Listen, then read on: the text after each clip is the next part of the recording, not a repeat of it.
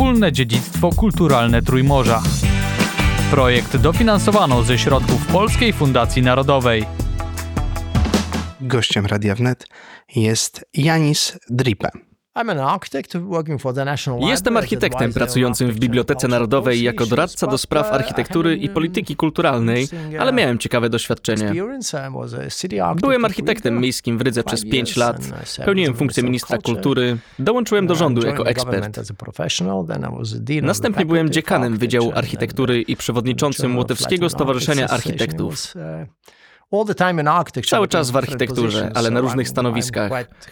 Jestem więc bardzo zadowolony z lat spędzonych na tym świecie razem z architekturą. Jesteśmy w Bibliotece Narodowej Łotwy, a sam budynek jest bardzo szczególny. Tak, zgadza się. Właśnie uznaliśmy ten budynek za zabytek architektury. Został zaprojektowany przez światowej sławy architekta, jednego z największych amerykańskich powojennych modernistów, Gunnara Birkertza, urodzonego na Łotwie. Był zarazem amerykańskim i łotewskim architektem. Ale chciałbym powiedzieć, że nie był architektem komercyjnym. Był architektem obiektów kultury. Zaprojektował wiele kościołów, szkół, muzeów. Ale jego szczególna wiedza dotyczyła bibliotek.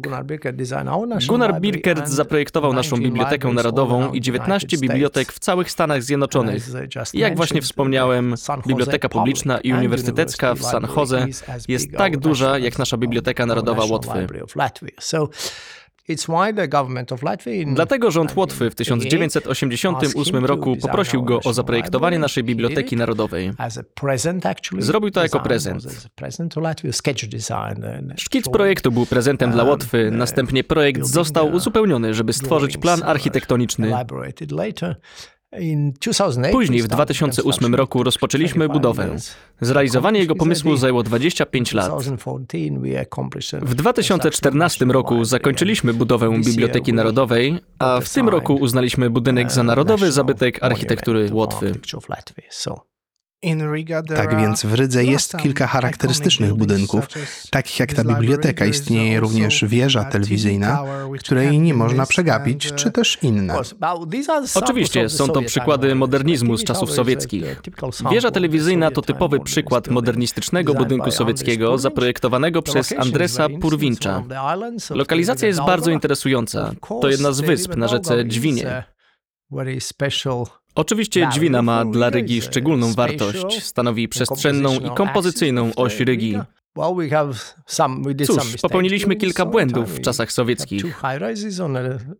Mamy niestety dwa wieżowce na prawym brzegu Dźwiny.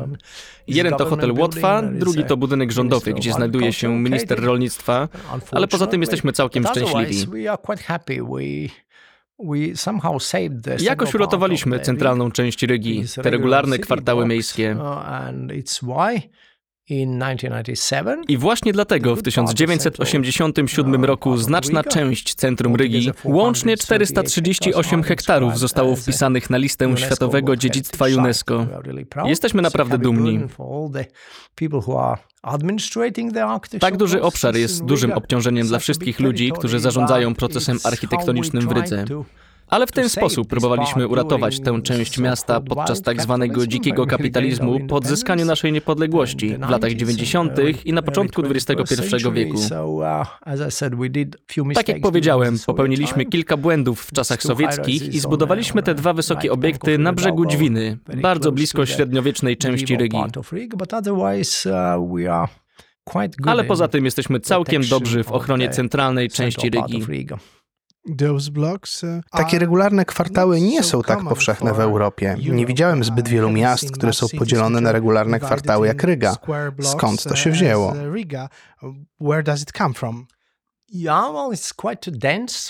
Jest to dosyć gęsto zabudowana część Rygi.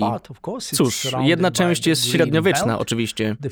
Otacza ją pas zieleni w miejscu dawnych fortyfikacji Rygi, które zniszczyliśmy w tym samym czasie, gdy robiono to w pozostałej części Europy, chociażby w Wiedniu, czyli około połowy XIX wieku.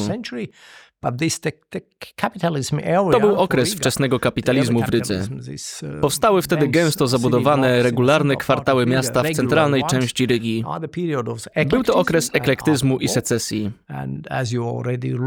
A jak już dowiedział się pan wcześniej, szczególną częścią zabytkowej architektury Rygi są secesyjne budynki. Chciałbym powiedzieć, że w Rydze mamy swojego rodzaju otwarte muzeum budynków secesyjnych. Łącznie z lewym brzegiem Dwiny, ryskim Starym Miastem i centralną częścią miasta przetrwało prawie tysiąc secesyjnych budynków. Budynki te przetrwały w czasach sowieckich, ponieważ rozwój gospodarczy był bardzo powolny. Mamy więc autentyczne, secesyjne detale architektoniczne. Inną niezwykłą cechą dziedzictwa architektonicznego Rygi jest zabudowa drewniana. Myślę, że jesteśmy prawdopodobnie jedyną stolicą w Unii Europejskiej z ponad 500 drewnianymi budynkami w centralnej części miasta. Zaczynają one stanowić więc bardzo szczególną wartość. Nie tylko secesyjne kamienice, ale także drewniane budynki w centralnej części Rygi.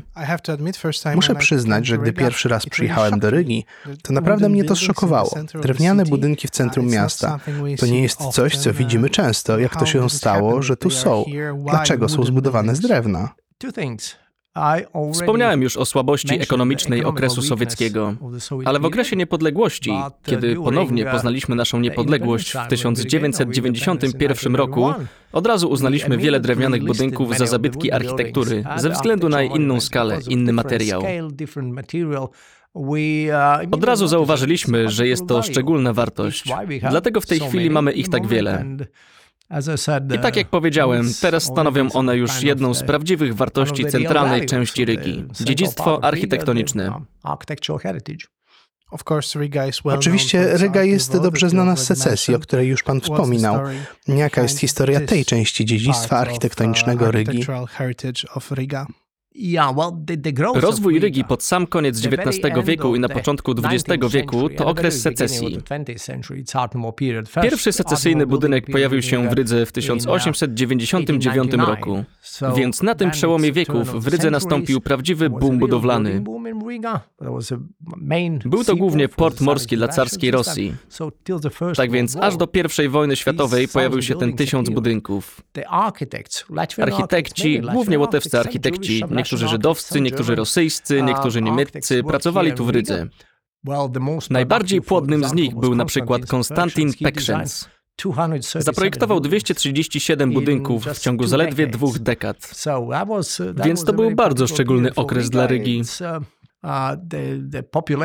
Populacja Rygi prawie się podwoiła w ciągu tych powiedzmy 30 lat, pod koniec XIX i na początku XX wieku.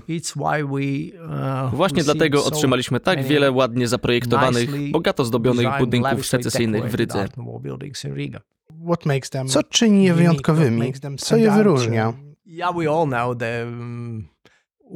Tak, wszyscy dobrze znamy ulicę Paryską w Pradze i kilka dobrych przykładów w Brukseli, Paryżu czy Wiedniu. Cóż, szczególnym dla Łotwy jest tak zwany romantyzm narodowy. To swego rodzaju mieszanka stylów architektonicznych, z której korzystali wielcy mistrzowie secesji w Finlandii. A na Łotwie w tym czasie do budynków w stylu secesyjnym dodaje się wiele motywów ludowych.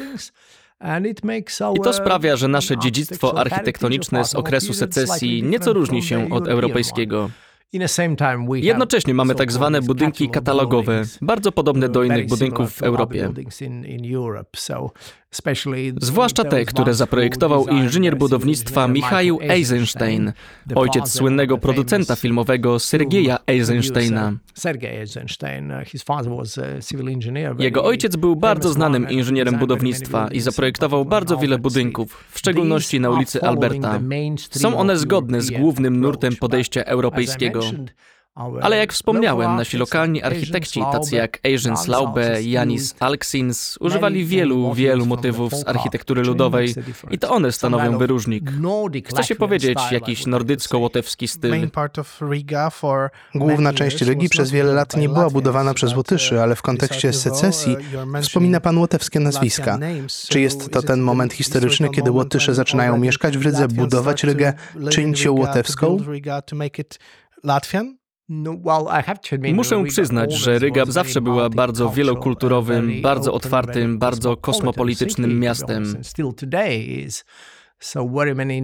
I do dziś jest wiele narodów, które żyły tu razem, praktykowały tutaj, także jako architekci. Ale powiedzmy, że około 70% architektów, którzy projektowali podczas secesji, byli Łotyszami. A wśród właścicieli to samo. Ponad 70% właścicieli budynków było Łotyszami. Then we have Soviet period. Potem mamy okres sowiecki, który był długi i mroczny i nie zawsze dobry dla architektury, że tak powiem. Jak to wpłynęło na Rygę? Jak wpłynęło to na już istniejące budynki i powstawanie nowych?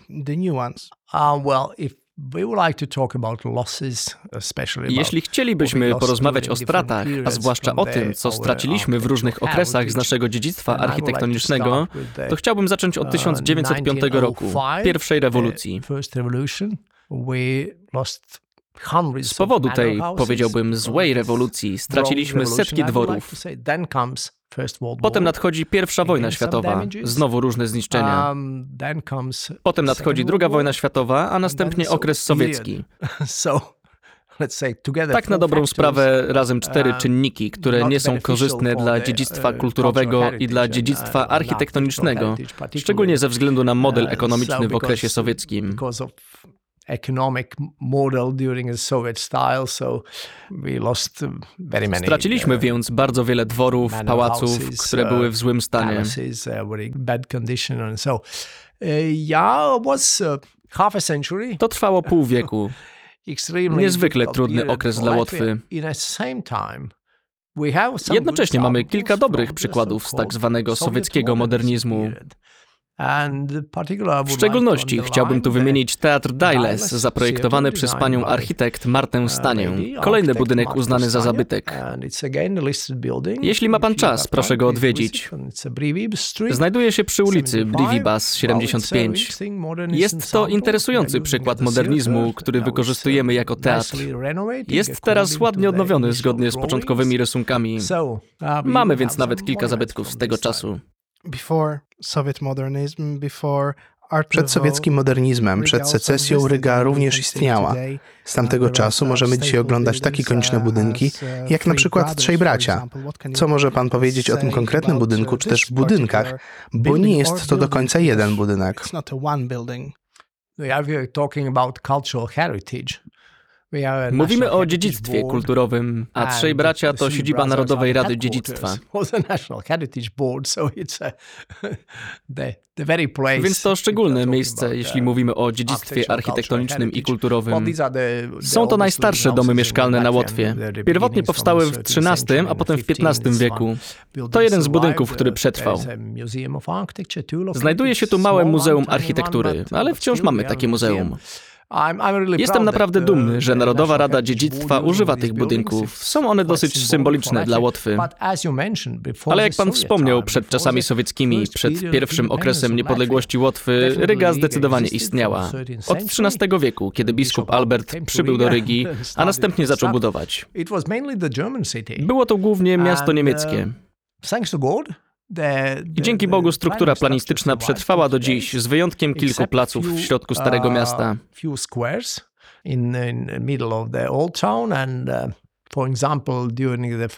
Na przykład podczas pierwszego okresu niepodległości Łotwy nasz prezydent Karlis Ulmanis postanowił uwolnić plac katedralny od istniejącej struktury architektonicznej. Utworzył ten plac. W tym czasie został wzniesiony ogromny budynek Ministerstwa Finansów. Ten budynek to ciekawy przykład architektury, ale prawdopodobnie było to niewłaściwe podejście do dziedzictwa architektonicznego.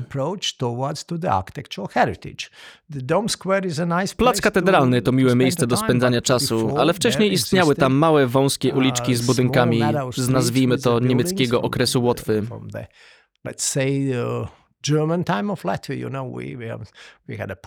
Wie pan, mieliśmy okres polski, okres niemiecki, mieliśmy okres szwedzki na Łotwie.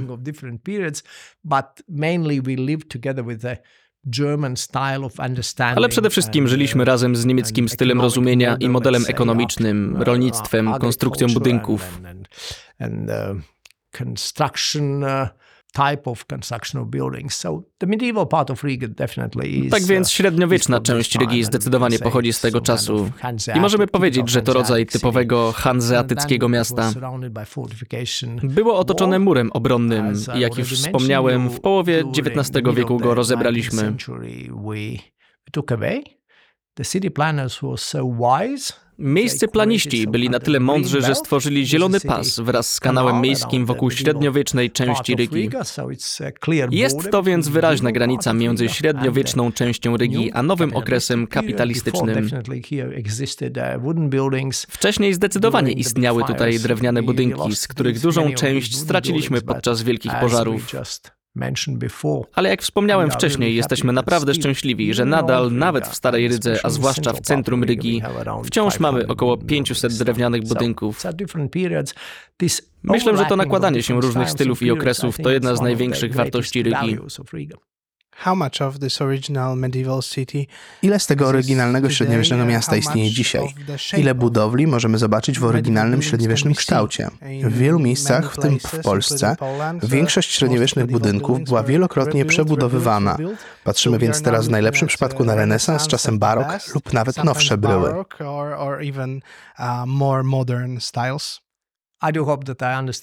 Mam nadzieję, że zrozumiałem Pana pytanie. Odwiedziłem centralną część Warszawy, w tym rynek. Wygląda ładnie.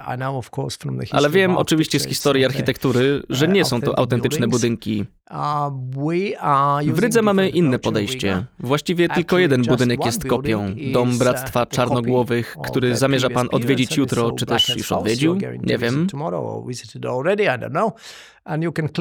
I wyraźnie widać na fasadzie tego budynku, że został zbudowany w 1999 roku. W tym okresie byłem ministrem kultury na Łotwie i toczyliśmy wielką debatę na temat tego, czy potrzebujemy takiego podejścia. Ale Dom Czarnogłowych to bardzo szczególny przykład. To, co jest bardzo dobre, to fakt, że wszystkie rysunki i wszystkie pomiary przetrwały dla tego budynku. Jest więc zrekonstruowany w dobry sposób, zgodnie z oryginalnymi planami. Poza tym mamy nawet międzynarodową kartę dotyczącą autentycznych rzeczy w architekturze. Nazywa się ją kartą ryską. Staramy się więc szukać i zachować autentyczne rzeczy.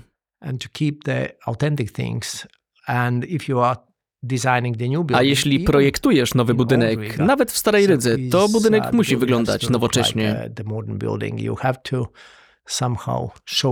Musisz jakoś pokazać okres, w którym ta budowla powstała.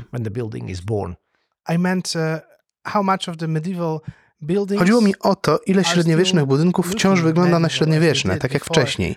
Ile z nich zostało przebudowanych w procesie zmian, które zachodziły na przestrzeni lat.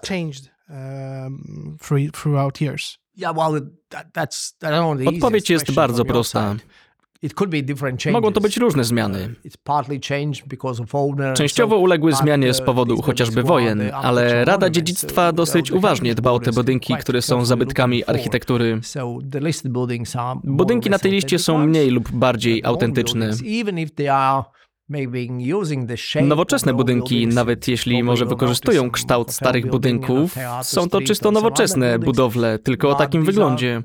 Prawdopodobnie zauważy pan chociażby jakiś budynek hotelowy na ulicy Teatralnej właśnie w takim stylu. Duża część budynków w centralnej części Rygi i na Starym Mieście w Rydze w całości, a przynajmniej w jakiejś części, naprawdę pochodzi z okresu średniowiecza, a następnie była dobrze utrzymana. Jakie są dzisiaj główne wyzwania dla zachowania dziedzictwa narodowego w Rydze? Oczywiście, jak zawsze, aspekty ekonomiczne. Mamy szczęście już prawie 33 lata być niepodległym państwem, ale ekonomicznie nie odnosimy sukcesów. Nie jesteśmy wśród liderów. Myślę, że w Polsce radzicie sobie dużo lepiej w tej kwestii. Dodatkowo to trudny okres dla nas wszystkich z powodu wojny na Ukrainie. Tak więc aspekty ekonomiczne są ważne zwłaszcza dla dziedzictwa architektonicznego, ponieważ renowacja, restauracja czy rekonstrukcja to bardzo kosztowna rzecz.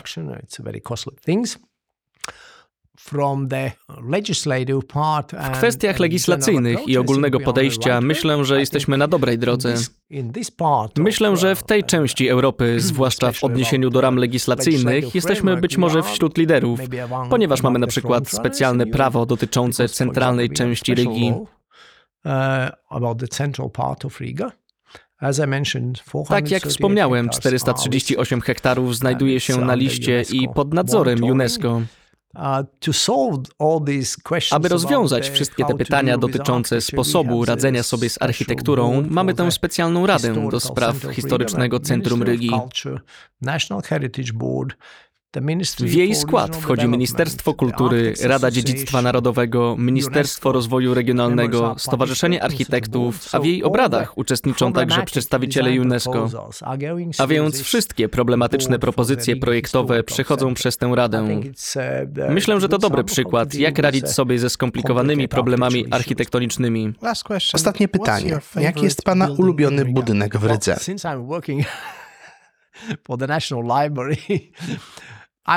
Cóż, skoro pracuję dla Biblioteki Narodowej, chciałbym powiedzieć, że jest to dość ikoniczny budynek na lewym brzegu rzeki Dźwiny i oznacza jakieś nowe podejście do architektury. Stanowi swego rodzaju symbol więzi między łotewską diasporą a Łotyszami tutaj. Jest to więc symboliczny budynek w wielu, wielu aspektach. Chciałbym więc powiedzieć, że to jest mój ulubiony budynek w Rydze. Dziękuję bardzo. Gościem Radia Wnet był Janis Dripe, architekt, doradca do spraw architektury w Bibliotece Narodowej Łotwy, były minister kultury Łotwy. Wspólne dziedzictwo kulturalne Trójmorza. Projekt dofinansowano ze środków Polskiej Fundacji Narodowej.